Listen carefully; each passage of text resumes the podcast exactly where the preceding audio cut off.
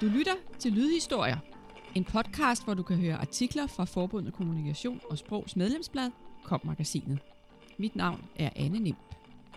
Artiklen handler om, at den største strategiske udfordring i et digitalt mediebillede under hastig forandring er, for mange kommunikationsfolk, at prioritere mellem kort og langt sigt.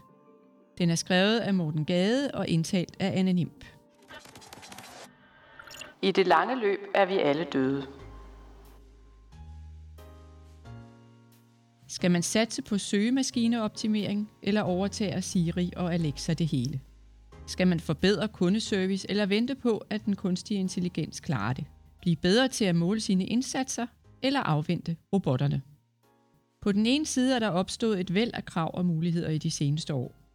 Der er endda de, der mener, at digitaliseringen har ændret faget til uigenkendelighed, og at mange kommunikationsafdelinger risikerer at blive ineffektive eller endda irrelevante, fordi de har svært ved at følge med i forandringerne. På den anden side kommer udviklingen efter alt at dømme kun til at gå hurtigere i årene, der kommer.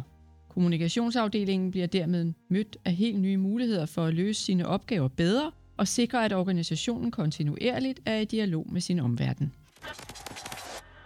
Mange kampe, der skal vindes. I management-lingo taler man af og til om must-win battles. Udfordringer, der må og skal overvindes. Og for professionelle kommunikationsfolk er der mange kampe, nu og her. Der er i hvert fald fem digitale udfordringer, der banker på døren. Den første. Faget skal finde sit ståsted i en tid, hvor det digitale mediemarked bliver oversvømmet af et hav af nye spillere. YouTubere, Instagrammere, medieiværksættere med mange forskellige dagsordner, og ikke mindst store globale medier – her er masser af inspiration at hente og kanaler at benytte, men der er også tale om et uigenkendeligt farvel til monopolet på at kommunikere. Den anden. Samtidig skal faget lære selv at gøre gavn af alle de nye kommunikationskanaler, der først og fremmest lever af og med personligheder. Fra Snapchat til Twitter til LinkedIn. Alle foretrækker at tale med mennesker frem for brands og logoer. Tag for eksempel Twitter, hvor godt 6.000 følger Københavns Universitet, er tallet mere end tre gange så højt for pro-rektor Lykke Friis, hvor man også bliver holdt opdateret om alt nyt fra den tyske fodboldklub Bayern München. At få fuld valuta på disse kanaler kræver, at kommunikationsfolk er klar til at afgive kontrol, for til gengæld at give deres kollegaer større gennemslagskraft. Den tredje. Sideløbende skal kommunikationsfolk lære mere fra marketing om effektivisering, automatisering og individualisering af kommunikation med brug af data, kunderejser og digitale værktøjer. Men ideelt skal det gøres uden at falde i det samme hul som digital markedsføring, der nok er blevet effektiv, men også har offret meget goodwill til gengæld for kortsigtet optimering af klikpriser med retargeting og pseudo-individuelle tilbuds-e-mails. Den fjerde.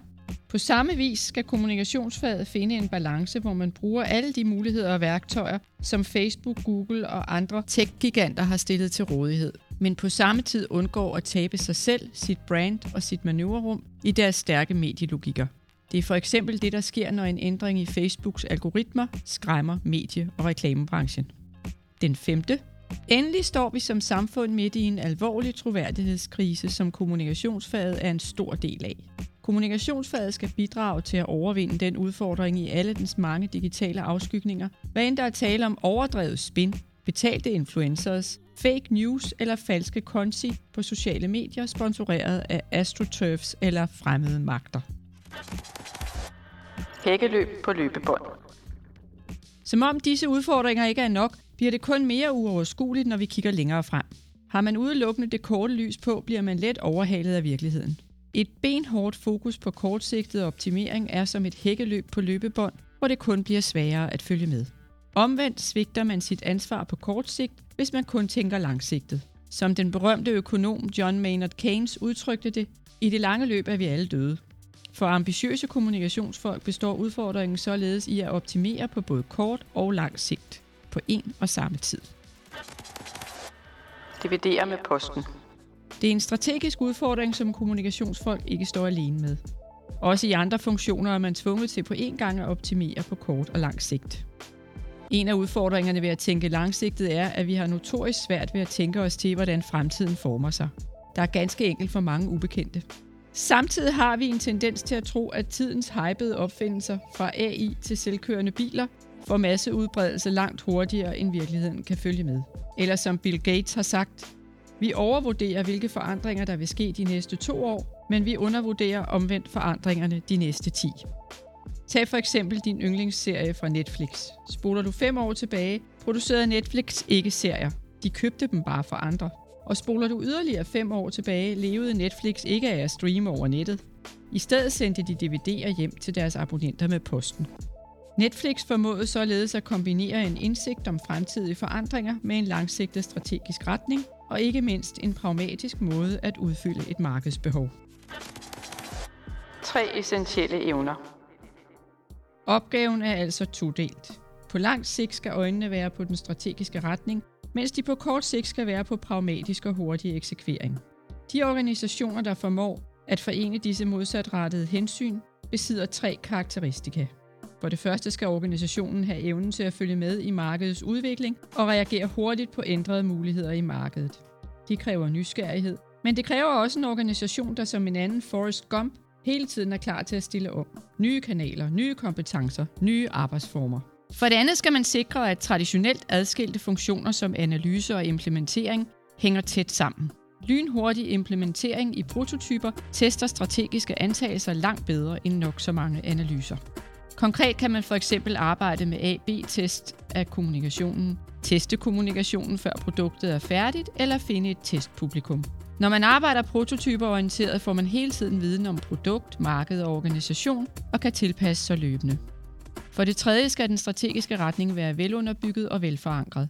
Ikke forstået som en detaljeret plan for ruten, men som en overordnet idé.